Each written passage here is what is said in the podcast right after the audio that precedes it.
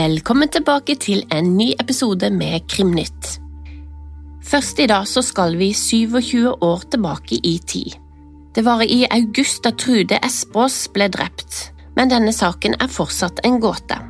Nå har TV 2 dratt til Sør-Korea for å finne nye spor. Men la oss først gå tilbake til 1996 og vakre Geiranger. I et av Norges flotteste turistmål har 20 år gamle Trude Espås fått seg jobb som stuepike på Hotell Union. Trude kom fra Orkanger og hadde studert språk i Alta, og nå var hun klar for å tjene litt penger. Hun ble beskrevet som en forsiktig og sjenert jente. 8. august 1996 så hadde hun sin første fridag, og Trude dro til Utsiktssteinen med en bok hun ville lese i. Et bilde viser en skikkelse i rødt sittende på steinen klokka 17.15. Et kvarter seinere så er hun borte. Det var over 6000 turister som besøkte Geiranger på den tida. Flere vitner ser Trude på steinen. Da Trude ikke møtte på jobb neste dag, og søket etter Trude begynte. På lørdagen ble veska til Trude funnet på steinen. Politiet syntes det var rart den ikke ble funnet før, for ved steinen hadde de søkt mange ganger. Hele elleve dager etter forsvinningen så blir Trude funnet. Hun ble funnet under 52 steiner med mose lagt på toppen, bare 100 meter fra der hun sist ble sett. Trude var blitt voldtatt og drept. Politiet intervjuet over 3000 vitner fra 37 ulike land. Turister kom i cruiseskip, de kom i bil, busser og også campingturister. Håpet var at noen hadde sett eller tatt bilder av Trude. Tusenvis av bilder måtte fremkalles og analyseres. Saken var veldig tidskrevende. De fant også en lapp Trude hadde skrevet 2. august.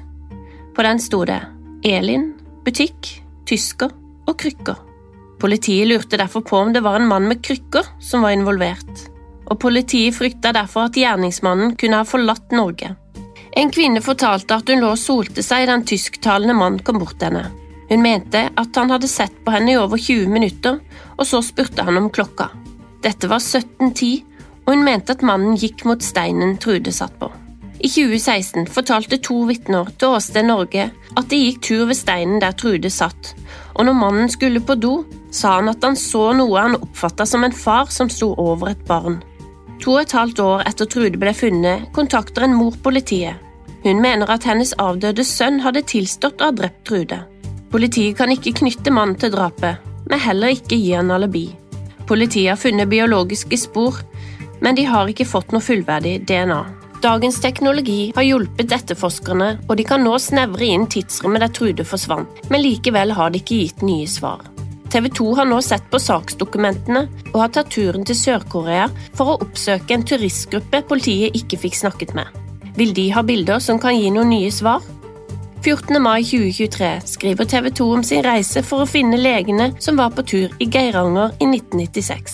De ankom litt for fire og dro 1710. Da skal Trude fortsatt ha vært i live. Det er over 20 000 sider med dokumenter TV 2 har fått tak i, og der står navnene på de 27 turistene fra Sør-Korea. Politiet fikk likevel aldri tak i bildene de tok, og de ble avvist av sørkoreansk politi og myndigheter. TV 2 drar til Seoul og har med seg en tolk. Det viser seg å være vanskelig å finne turistene på lista, men de får tak i et par. Den ene er tannlegen Kim. Det var 13 i reisefølget hans, og to er nå døde. Han sier at de fortsatt er gode venner, og lover TV 2 at han skal prøve å få de andre til å lete gjennom bildene. Kanskje er det likevel et håp om at noe skal peke politiet mot en mulig gjerningsmann. Vi i Krimnytt håper på en utvikling i saken. Og så til en litt lystigere sak. 4. juli 2017 ser Ryan i Serka sin ni år gamle datter når hun forsvinner i en bil med sin mor. De skal på campingtur. Dagen etter skulle moren Heather Underbaum møte til samtale om foreldreretten sammen med Ryan. Heather møtte ikke opp, og Kayleigh og Heather er ikke å finne. I seks år leter faren Ryan. Saken fikk i starten mye oppmerksomhet, men etter hvert ble den også kald. Helt til Netflix i 2022 tok opp saken i den populære serien Unsolved Mysteries. En butikkarbeider som jobba i en gjenbruksbutikk, mente at han kjente igjen Kayleigh og ringte politiet. Den nå 15 år gamle jenta ble gjenforent med faren, og moren ble arrestert. Høringen skal skje 11. juli. Callan Walsh of The National Center for Missing and Exploited Children uttaler at media er svært viktig i slike saker. Ryan, som gifta seg på nytt i 2014, hadde på tidspunktet når Kayleigh forsvant, en familie på fem. Hans nye kones to barn og Kayleigh. I 2017 møtte altså Kayleighs mor og far i retten for å fortelle omsorgen for Kayleigh. Moren Heather klarte ikke å følge avtalen, og dagen etter Kayleigh forsvant med moren, skulle de altså tilbake i retten igjen. Ryan hadde nå fullt foreldreansvar, og moren skulle ha et ukentlig møte med Kayleigh.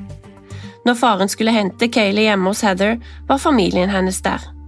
De fortalte at Kayleigh og moren ikke var kommet hjem fra campingturen. Det var nok dette som førte til at moren valgte å forsvinne fra alles radar, og det tok seks år og et TV-program for Ryan å se sin datter igjen.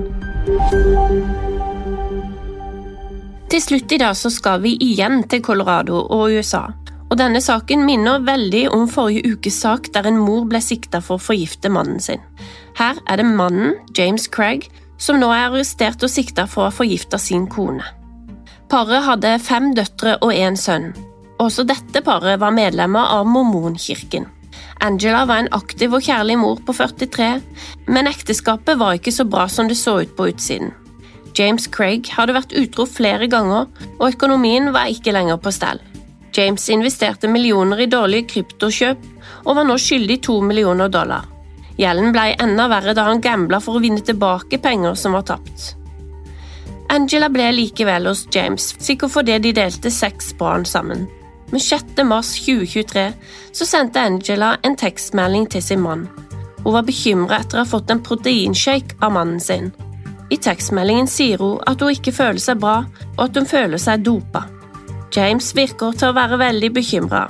Angela blir dårligere og dårligere, og til slutt så oppsøker hun et sykehus i nærheten. Legene finner ikke noe galt, og hun blir sendt hjem igjen. I tre dager går Angela hjemme, og hun blir dårligere og dårligere. James opptrer som en bekymra mann, men 9. mars, etter at Angela har uttrykt at hun føler seg bedre, blir hun plutselig verre. Samme dag blir hun innlagt på sykehuset. Der blir hun de neste fem dagene. Til tross for at Angela er dårlig, så blir hun sendt hjem igjen fra sykehuset, men er tilbake igjen innen 24 timer. Her får hun et alvorlig anfall og blir lagt i kunstig koma. Til slutt så blir Angela erklært hjernedød, og blir tatt av life support. Når Angela dør, så er det en kollega av James som har sett noe som gjør henne bekymra. James hadde fått en pakke sendt til jobben. Hun har ikke fått med seg at James har gitt beskjed om at pakken ikke skal åpnes. Her finner hun potassium cyanide. Hun teiper opp pakken igjen og googler stoffet.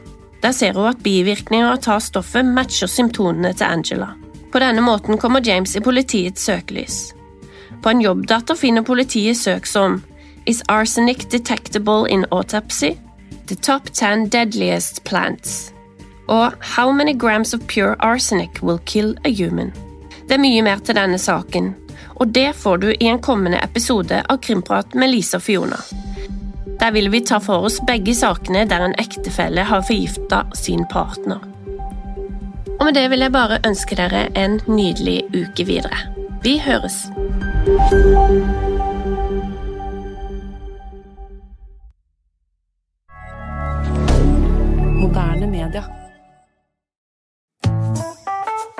Har du et enkeltpersonforetak eller en liten bedrift? Da er du sikkert lei av å høre meg snakke om hvor enkelt det er å sende faktura med fiken. Så vi gir oss her, fordi vi liker enkelt. Fiken superenkelt regnskap. Prøv gratis på fiken.no.